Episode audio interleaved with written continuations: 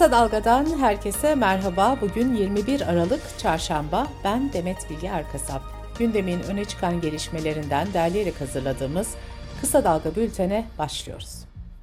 İstanbul Büyükşehir Belediye Başkanı Ekrem İmamoğlu, Cumhurbaşkanı adaylığı konusunda kendisini Cumhurbaşkanı Erdoğan'ın rakip takımında her an oyuna girmeye hazır oyuncu olarak tanımladı. Habertürk yazarı Fatih Altaylı'ya konuşan İmamoğlu şu ifadeleri kullandı. Teknik direktör beni oyuna sokar veya sokmaz. Ona ben karar vermeyeceğim. Ama oyuna girme ihtimali olan bir oyuncuyum. Ekrem İmamoğlu dün ayrıca CHP'nin grup toplantısına katıldı. Toplantıdan önce Kılıçdaroğlu'na sarıldığı fotoğraflar paylaşıldı. İmamoğlu desteği için Kılıçdaroğlu'na teşekkür eden bir mesaj yayınladı. Kılıçdaroğlu ve İmamoğlu'nun salona girişi sırasında el ele, kol kola, omuz omuza sloganları atıldı. Kılıçdaroğlu da hiç meraklanmayın halkın iktidarını mutlaka kuracağız yanıtını verdi. Kılıçdaroğlu İmamoğlu'na verilen ceza ile ilgili adaleti katlettiler derken kendisi CHP'nin evladı olduğu kadar benim de evladımdır ifadelerini kullandı. Bu arada İmamoğlu'na YSK üyelerine hakaret suçundan verilen 2 yıl 7 ay hapis cezası ve siyasi yasak kararı da tartışılmaya devam ediliyor. Hürriyet yazarı Hande Fırat'ın aktardığına göre AKP milletvekili Berat Çonkar, hakaret suçlarına siyasi yasak konusunun yasa değişikliğiyle yeniden değerlendirilebileceğini söyledi. HDP eş genel başkanı Mithat Sancar ise grup toplantısında İstanbul'da partilerine yönelik polis ablukası ve İmamoğlu'na verilen cezayı hatırlattı. Mithat Sancar, İstanbul'u yeni rejim inşasında bir üs haline getirmeye çalışıyorlar. İstanbul'u faşizmin üssü yaptırmayacağız dedi. MHP Genel Başkanı Devlet Bahçeli, Nevşehir'in Hacı Bektaş ilçesinde bulunan yaklaşık 6 dönüm arsayı Horasan Erenleri Federasyonu'na hibe ettiğini duyurdu. Bahçeli Twitter'dan da Alevi de bizim, Sünni de bizimdir. Hepsi birden Türk milletinin asil ve eşit mensuplarıdır mesajını paylaştı. 28 Şubat davasının hükümlülerinden 85 yaşındaki emekli kor general Vural Avar, Sincan F tipi kapalı cezaevinde hayatını kaybetti. Emekli generallerden Erol Özkasnak ve Hakkı Kılıç'la aynı odayı paylaşan Avar uzun süredir demans hastalığı çekiyordu. 28 Şubat davasında 14 kişi ağırlaştırılmış müebbet hapis cezasına çarptırılmıştı. Çevik bir Çetin Saner, Aydan Erol hastalıkları nedeniyle tahliye edilmişti. Avar'ın hayatını kaybetmesinin ardından cezaevinde 28 Şubat hükümlülerinden 10 kişi kaldı. Montreux bildirisi davası kapsamında anayasal düzene karşı suç işlemek için anlaşmakla suçlanan 103 emekli amiralin yargılandığı davada karar çıktı. Mahkeme suç unsuru oluşmadığı gerekçesiyle tüm sanıklar hakkında oy birliğiyle beraat kararı verdi. Kısa Dalga Bülten'de sırada ekonomi haberleri var. Asgari Ücret Tespit Komisyonu asgari ücreti belirlemek için 3. toplantısını dün yaptı.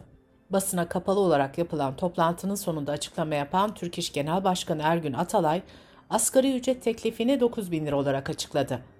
Atalay, verirlerse imzalarız, vermezlerse masaya oturmayız dedi. Araştırma şirketi Türkiye raporu, turunçgiller ve diğer kış meyvelerinde geçen yılın aynı dönemine göre yaşanan fiyat değişimlerini inceledi. Mandalina'nın fiyatı 1 lira 80 kuruştan 7 lira 84 kuruşa çıkarak %335 zamlandı. Elma ise %312 zamlanarak 2 lira 97 kuruştan 12 lira 26 kuruşa yükseldi. Limon fiyatlarında yaşanan artış ise %202 oldu. Türkiye Tekel Bayileri Platformu Başkanı Özgür Aybaş kolaya zam geldiğini duyurdu. Yeni fiyat listesine göre 2,5 litrelik kola 30 lira, 2 litrelik kola 25 lira, 1,5 litrelik kola 23 lira ve 1 litrelik kola da 18 lira oldu. Zamlı fiyatların 27 Aralık'tan itibaren geçerli olacağı belirtildi. Bu arada vergi uzmanı Ozan Bingöl de Cumhurbaşkanı Erdoğan'ın aksi yönde karar almadıkça alkollü içki ve tütün ürünlerinin özel tüketim vergisinin 3 Ocak itibariyle %25-30 oranında artacağını belirtti.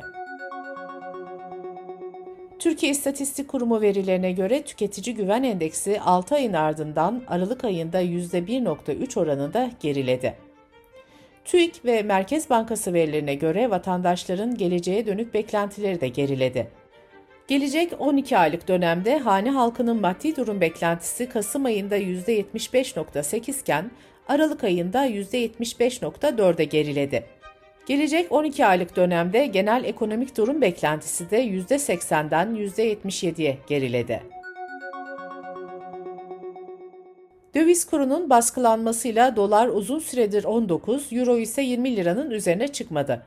İhracatçılar rekabet için daha yüksek kur isterken ekonomi yönetimi bu talebe karşılık vermemişti. İstanbul Maden İhracatçıları Birliği Başkanı Rüstem Çetinkaya da dolar kurunun en az 22 ila 25 TL bandında olması gerektiğini söyledi. Tarım ve Orman Bakanlığı'nın hazırladığı Tarım Kanunu'nda ve bazı kanunlarda değişiklik yapılmasına dair kanun taslağı son aşamaya geldi.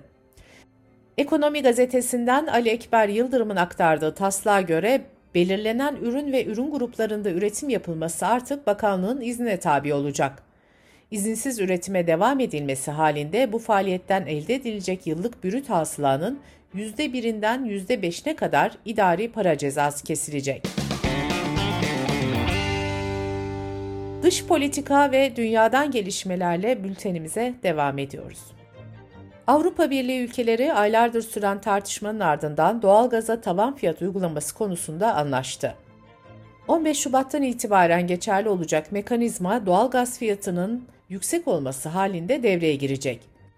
Küresel doğalgaz fiyatlarının yüksek olduğu durumlarda doğalgazın megawatt saat fiyatı 180 euronun üstüne çıkabilecek. Avrupa Birliği'nin aldığı bu karara Moskova'dan tepki geldi. Kremlin sözcüsü Dmitri Peskov, bu piyasa fiyat belirleme süreçlerinin ihlalidir diyerek tavan fiyat uygulamasının kabul edilemez olduğunu söyledi. ABD Kongre binasına 6 Ocak 2021 tarihinde düzenlenen baskını soruşturan Temsilciler Meclisi Komisyonu, Adalet Bakanlığı'na eski Başkan Donald Trump ve olaya karışan diğer kişiler hakkında cezai işlem başlatması tavsiyesinde bulundu. Araştırma komisyonundan yapılan açıklamada eski başkan Trump'ı ağır şekilde suçlayan çok sayıda bilgi ve belgeye ulaşıldığı belirtildi. Kararın yasal bağlayıcılığı bulunmuyor. Bu nedenle ABD Adalet Bakanlığı'nın Trump hakkında bir işlem başlatıp başlatmayacağı belirsiz. Ancak siyasi gözlemcilere göre komisyonun aldığı bu tavsiye kararı 2024 seçimlerinde Cumhuriyetçilerin adayı olmaya hazırlanan Trump'ın cezai kovuşturmaya uğrama olasılığını arttırmış oldu. Hollanda Başbakanı Mark Rutte, ülkesinin yaklaşık 250 yıl boyunca sürdürdüğü kölecilikten dolayı resmi özür diledi. Hollanda 1 Temmuz 1863'te köleliği kaldırma kararı almış ancak bunun tamamen hayata geçmesi 10 yıllık bir geçiş sürecinin ardından 1873'te tamamlanabilmişti. Rutte'nin resmi özrü devletin bir tazminat ödememesi nedeniyle eksik bulundu. Kanada'nın Montreal kentinde düzenlenen Birleşmiş Milletler Biyolojik Çeşitlilik Sözleşmesi 15. Taraflar Konferansı sona erdi. Yaklaşık iki haftadır 193 ülkeden 5000'den fazla temsilcinin katılımıyla düzenlenen konferansta önemli bir anlaşmaya varıldı. Anlaşma, dünya üzerindeki toplam kara ve deniz alanlarının %30'unun 2030 yılına kadar koruma altına alınmasını öngörüyor. Kanada'daki görüşmelerde Türkiye'yi Tarım ve Orman Bakanı Vahit Kirişçi temsil etti. 2024 yılında düzenlenecek bir sonraki taraflar konferansına Türkiye ev sahipliği yapacak. İngiltere, Galler ve Kuzey İrlanda'da ulusal sağlık hizmetlerinde görevli yaklaşık 10 bin hemşire, ücret artışı talebiyle bir hafta içinde ikinci kez greve gitti. Hemşireler geçen hafta sağlık hizmetleri tarihindeki en büyük grevi gerçekleştirmişti. İngiltere'de 16 bin doktor randevusu ve ameliyat başka tarihe alınmıştı. Kanser hastalarının tedavisi ve diğer acil servis hizmetlerinin grevden etkilenmeyeceği belirtiliyor. İngiltere'de Kasım ayı itibariyle yıllık enflasyon %10.7 olarak açıklanmıştı. Hemşirelere bu yıl ortalama %4 zam yapıldı. Ancak sağlık çalışanları %19 oranında zam istiyor. İngiltere Meteoroloji Ofisi 2023 yılına dair yaptığı küresel sıcaklık tahmini raporunu açıkladı. Meteoroloji Ofisi sanayi öncesi dönemden itibaren ölçülen sıcaklığın 1.20 derece artacağını ve 2023 yılının en sıcak yıl olacağını öngördü. Bültenimizi kısa dalgadan bir öneriyle bitiriyoruz. Yeşim Özdemir'in hazırlayıp sunduğu kitap Konuk Kahve programının bu haftaki konuğu oyuncu, yönetmen, senarist, yazar Ercan Kesal. Kitap Konuk Kahve'yi kısa dalga.net adresimizden ve podcast platformlarından dinleyebilir, YouTube kanalımızdan izleyebilirsiniz. Gözünüz kulağınız bizde olsun. Kısa Dalga Medya.